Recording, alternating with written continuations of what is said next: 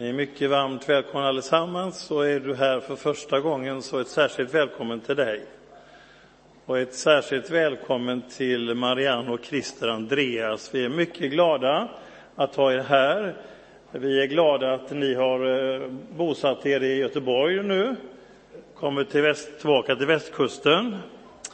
Eh, Marianne har varit pastor i eh, tio år i Bildal, i Bildals pingstförsamling har varit lärare på Bibelskola Väst, har arbetat några år i Finland, har ni gjort som familj, och eh, också varit med senast på Ekumenia i Alvik som frikyrklig samordnare. Eh, och eh, Christer minns jag så väl från 70-talets eh, revolution, eh, då eh, du var på Björngårdsvillan och du var ungdomspastor i Gilead. Eh, och eh, du är dig lik, det är Marianne också, men eh, jag kommer ihåg där bland alla hippisen. så var det. Ja, det var många, Gilead var en samlingsplats för hippies. Eh.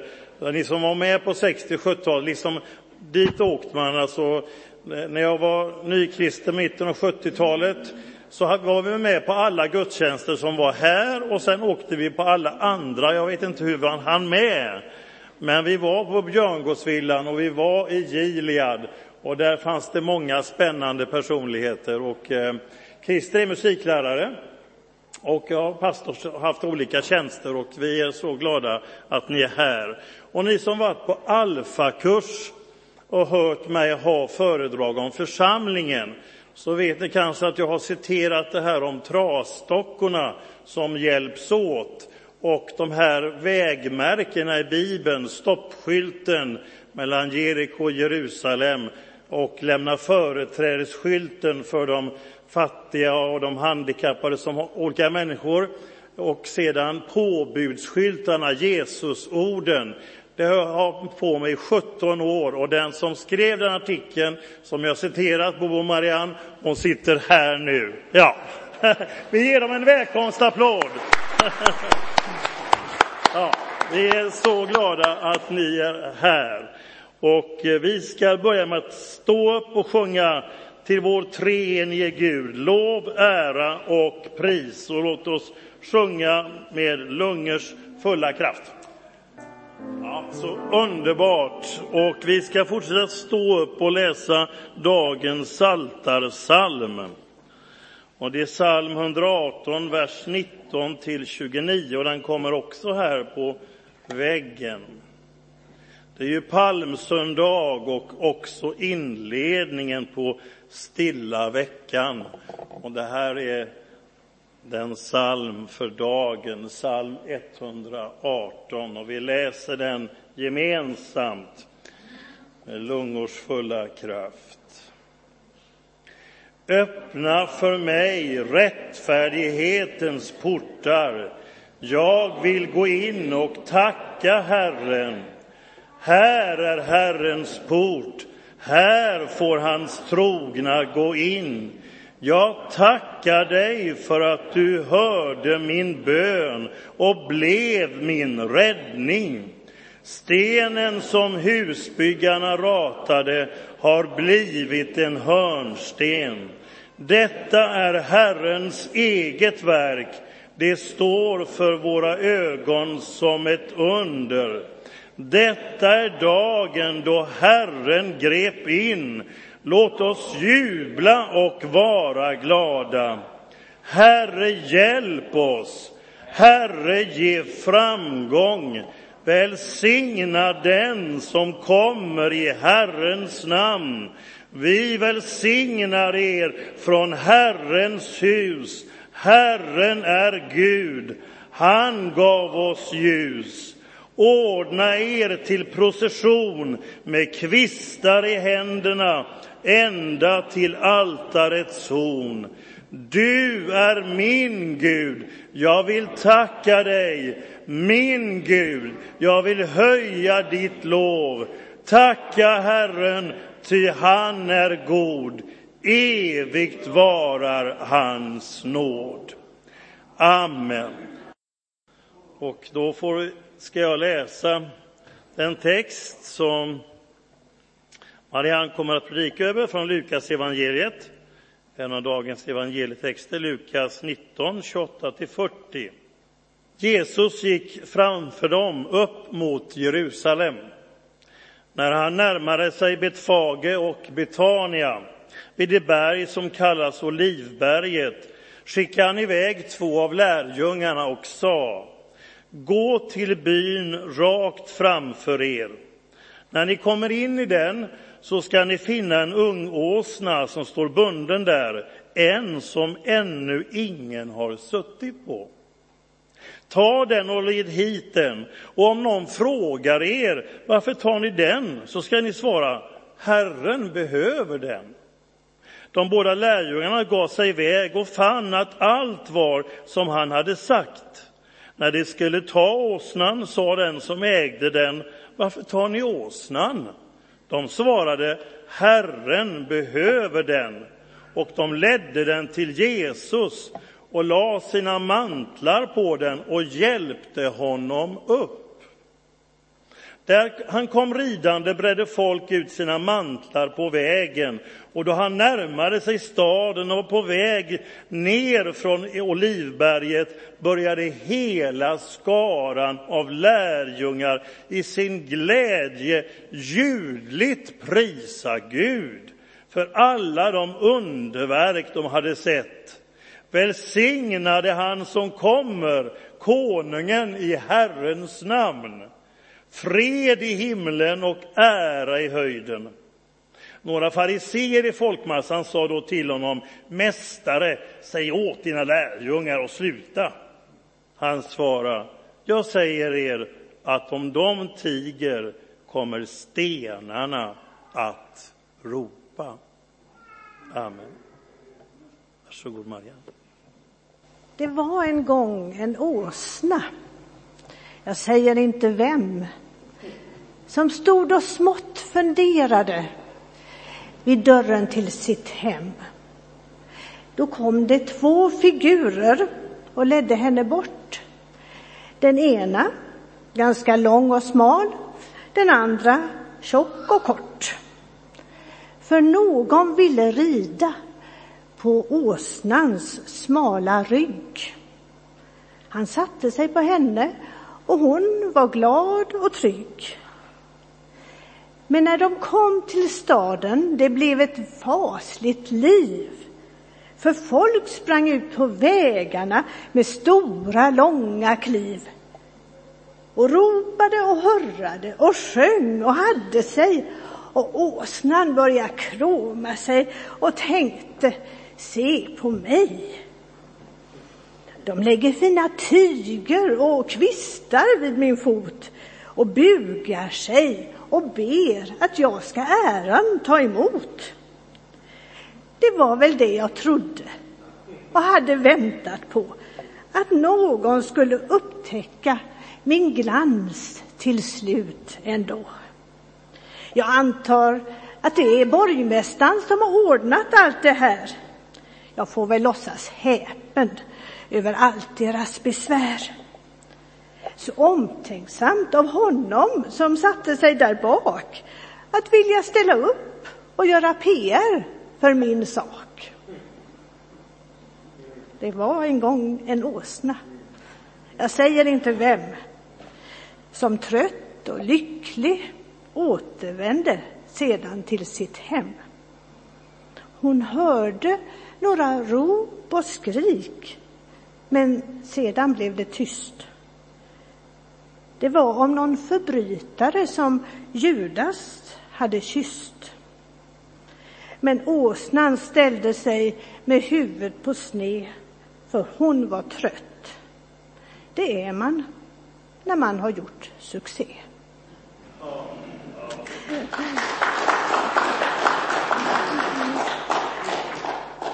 Det här är en av Ylva Eggerhorns tidiga dikter och den finns i diktsamlingen Jesus älskar dig.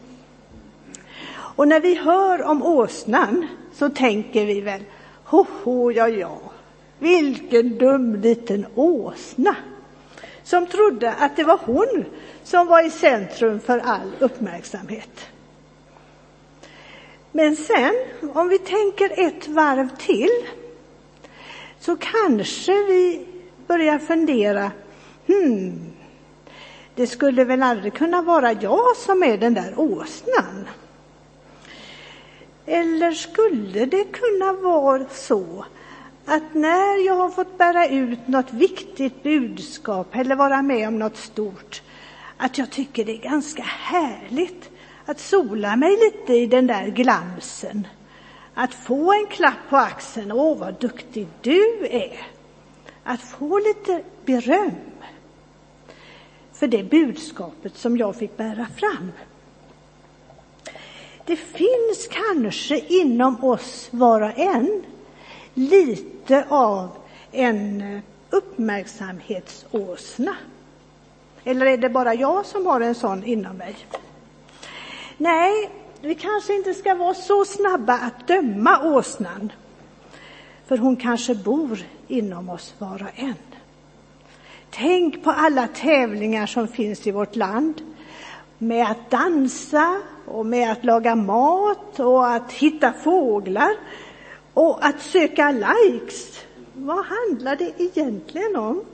Är det inte att få uppmärksamhet? Att få sola sig i lite berömmelse? Hjalmar Söderberg skrev några rader i en bok, Doktor Glas, som säger mycket om oss människor. Man vill bli älskad. Ska vi se om jag hittar den dikten.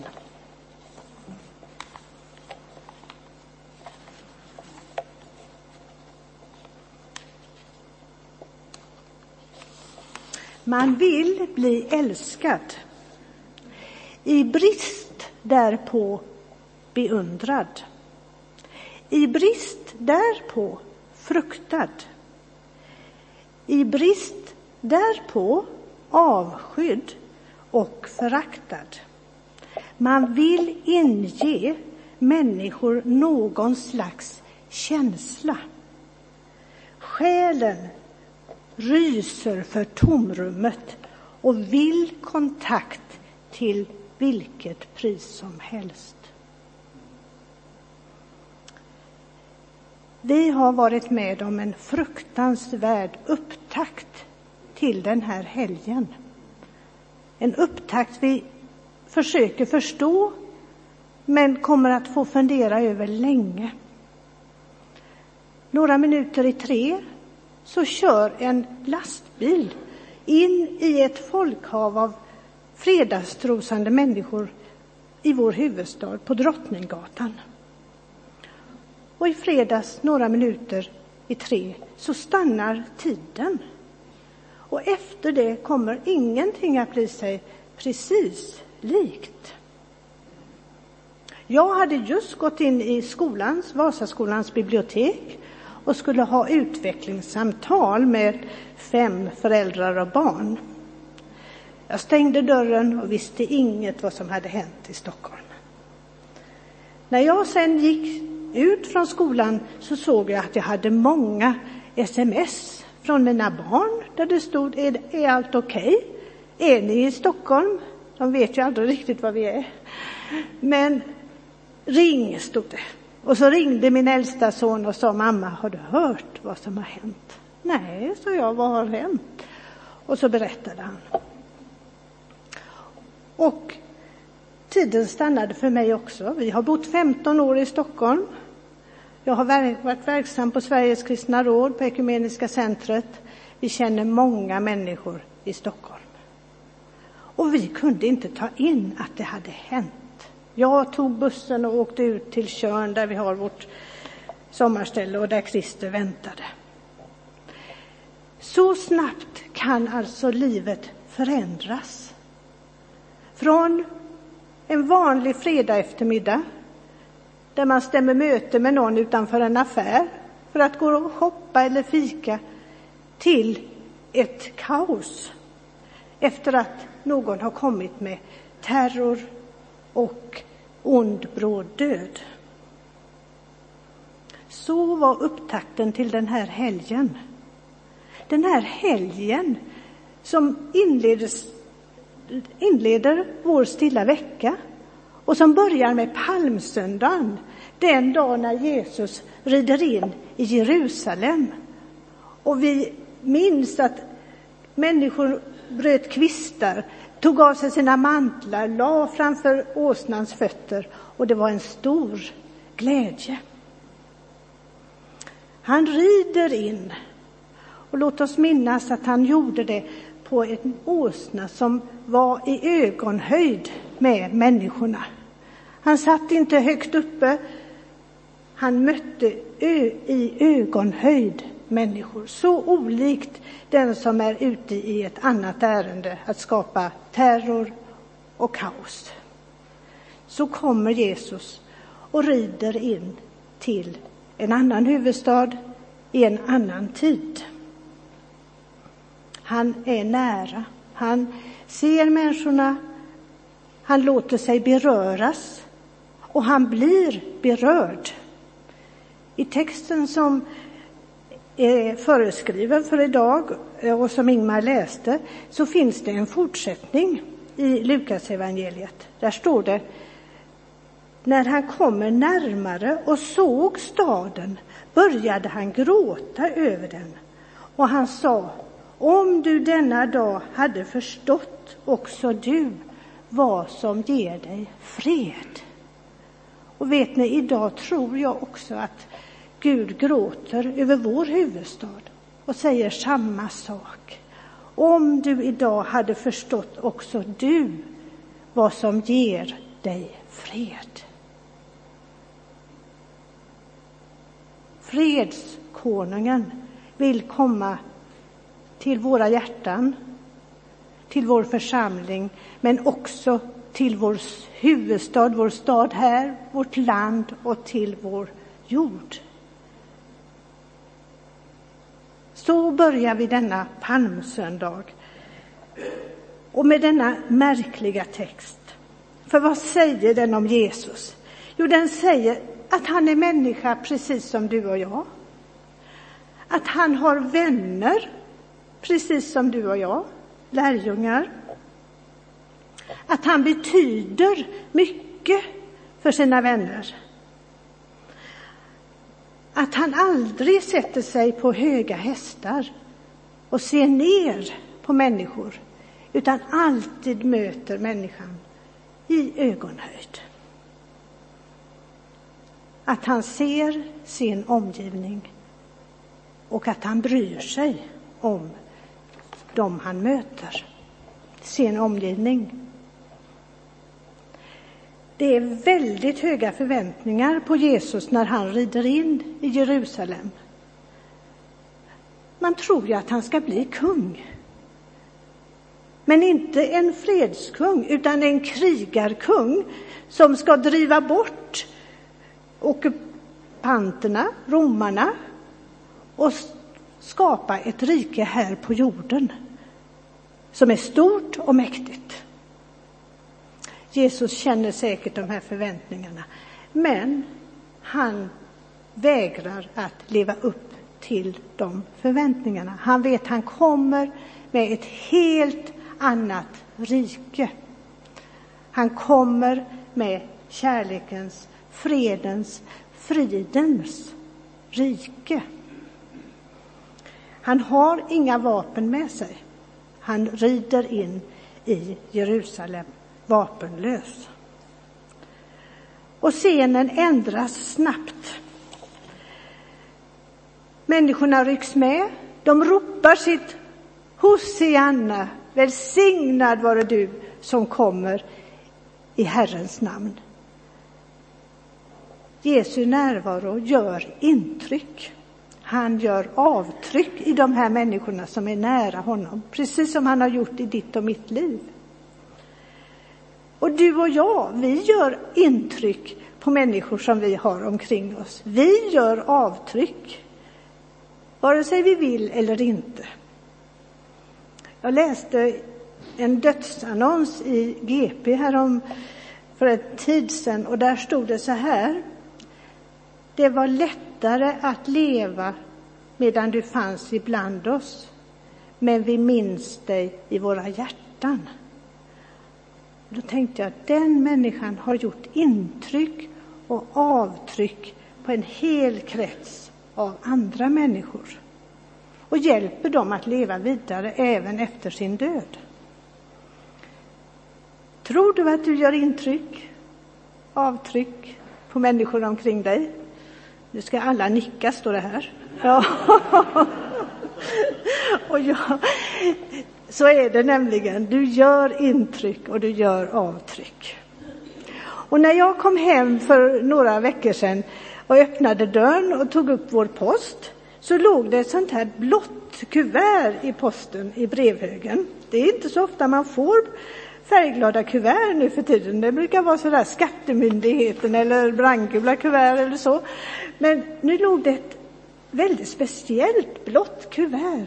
Och när jag vände på det så stod det ingen avsändare, utan det stod 7 mars 2017, brev i fastan. Och jag, det stod ju till Kristus, så jag kunde ju inte öppna det så där innan han kom hem. Men jag var ju väldigt nyfiken, vad var det för brev han hade fått? Och så kom han hem och öppnade det och vi läste det tillsammans. Och då stod det så här på framsidan. Ska du läsa Ingmar?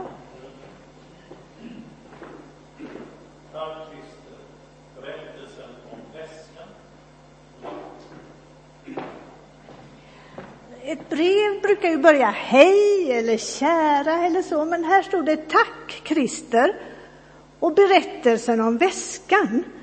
Och sen var det en, en, en väska och någonting lite mystiskt under den där väskan. Så vi öppnade och så stod det Hej Christer. Så stod det så här. Under fastan i år vill jag skriva ett brev varje dag till någon som gjort skillnad i mitt liv.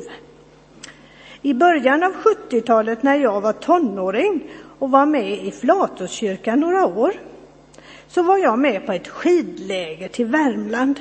Du var ledare med på lägret. Vi åkte buss från Flatås. Jag och min bror var lite utifrån.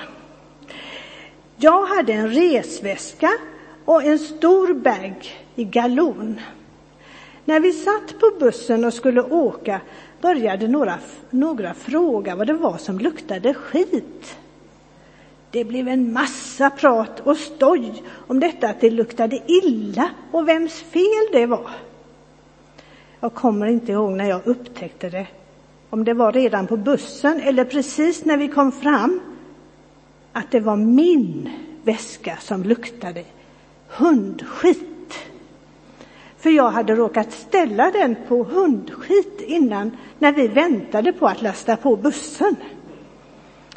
På något sätt sa jag till min bror att jag tänkte slänga väskan. Ingen skulle få veta vem som hade orsakat lukten. Han blev arg på mig. Vi hade väl fått varsin sån där bag innan vi åkte.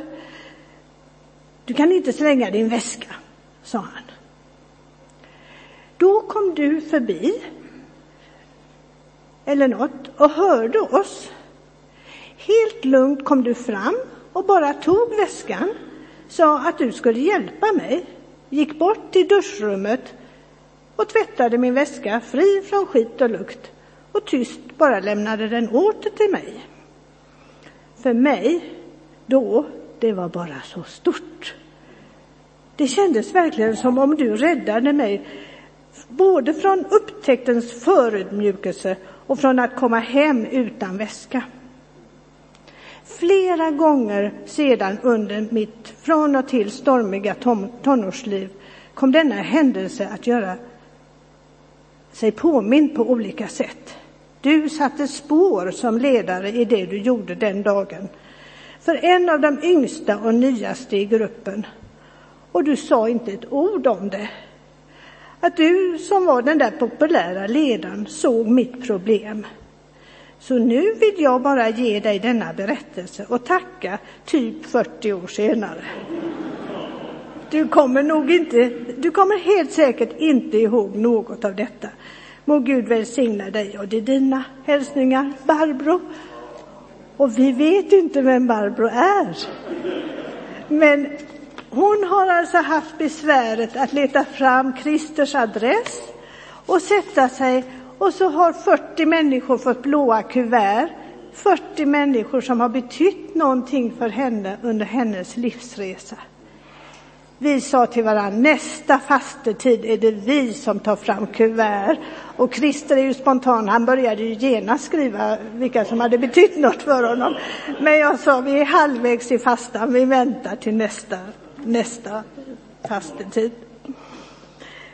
Vi gör intryck och människor gör intryck på oss.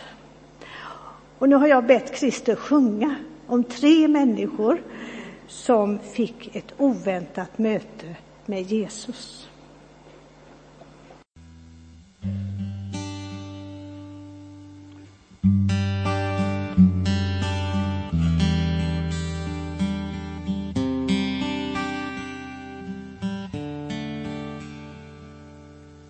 Jag mötte honom vid en brunn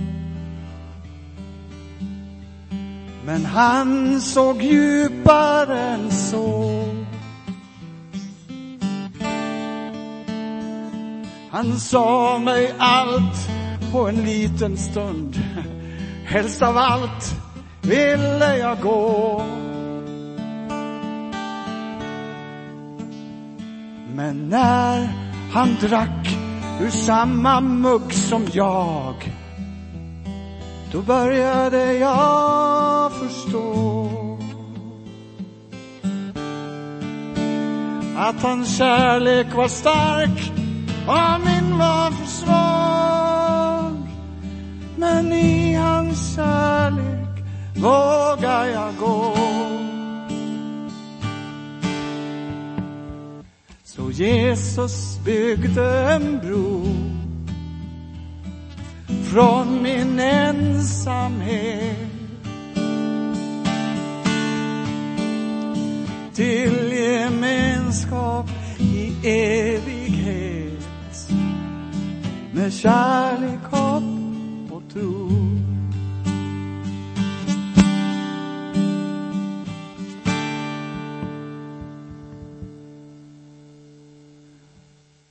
Alla dömde mig ut så satt du och skrev i sanden. Plötsligt tog hämnden slut när du sträckte ut handen. Den som aldrig syndat, du sa, han kastade första scenen och mitt liv blev förvandlat en dag när du vände hela scenen. Oh. Så Jesus byggde en bro från min utsatthet till gemenskap i evighet med kärlek, hopp och tro.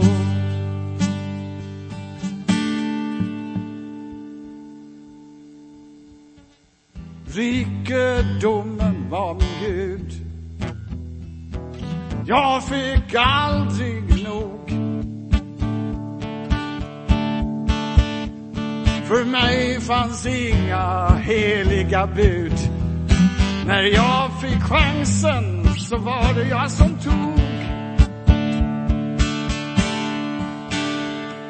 Men vänskap var min fattigdom och ensamheten min lön. Men mitt hjärta blev givmilt när Mästaren kom. En rik gemenskap blev svar på min bön. Så Jesus byggde en bro från min ensamhet till gemenskap i evighet med kärlek, hopp och tro. Så Jesus han bygger en bro från vår ensamhet till gemenskap i evighet med kärlek, hopp och tro.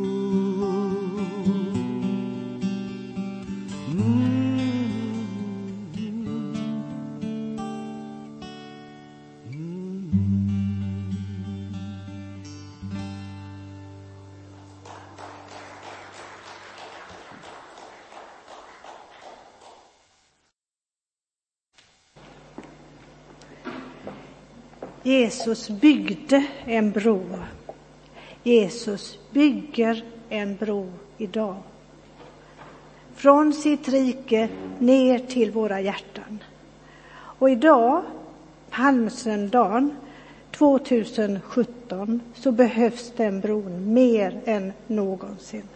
Till oss, till våra familjer, till vår församling, till vår stad och till vårt land och till vår värld. Vi kommer att minnas den här palmsöndagen i skuggan av det som hände i fredags. För inget kommer att bli riktigt sig likt. Men vi, du och jag, vi är kallade av Gud att bygga kärlek, tro och hopp. Att bygga tillit, att våga förtrösta och att vara vänliga. Vet ni, vänskap det är kanske den största gåvan. Och Göran Greider, han skrev några rader som jag tog med mig också, om vanliga människor. Så här skrev han, vanliga människor, lugnet, försiktigheten, vänligheten. Vanligt folk, i längden det enda försvaret mot våldet. Jag tyckte det var så mitt i prick. För titta dig omkring och se att här sitter en kyrka fullt av vanliga människor. Vanligt folk som gör sitt bästa, som älskar sin Gud och som vill göra gott i världen. Nu på palmsöndagen så växer det ett hav av blommor på en plats, på en gata där en lastbil körde in och ödelade liv och ödelade människors vardag. Men vad har hänt? Jo, hela scenen har vänts till ett blomhav av solidaritet och en beslutsamhet att odla vänskap. Låt oss ta vara på det. Och från det också berätta det som vi har fått höra. Vill du bli en åsna för Jesus? Får han använda din rygg, din begåvning, din personlighet för att rida in i vårt land, i människors hjärtan. Han vill använda dig som kanske sin åsna. Låt oss be tillsammans. Tack Gud för att du denna palmsöndag vill rida in i våra hjärtan på nytt. Tack att vi får ropa vårt Hosianna. Välsignad vare du som kommer i Herrens namn. Tack för att du hjälper oss att leva i tillit, i förtröstan och med mod. Hjälp oss att se att du finns här mitt ibland oss, mitt i livet, mitt ibland dem som hyllar dig och följer dig, men också mitt ibland dem som hånar dig och som är rädda för dig. Och även mitt ibland dem som är likgiltiga. Du finns även mitt ibland dem som är tysta och vill tysta dig. Du finns mitt i världen. Ditt kors är rest för alla Hjälp oss att ha blick för barmhärtighet och mod att fråga vad vi kan göra Vad är vår kallelse i denna vår tid? Ge oss kraft att vara modiga och ibland besvärliga, att kämpa mot orättfärdighetens olika uttryck, att kämpa mot hat och våld. Jesus, denna palmsöndag ropar vi vårt Hosianna, rädda oss och vi ber förbarma dig över oss.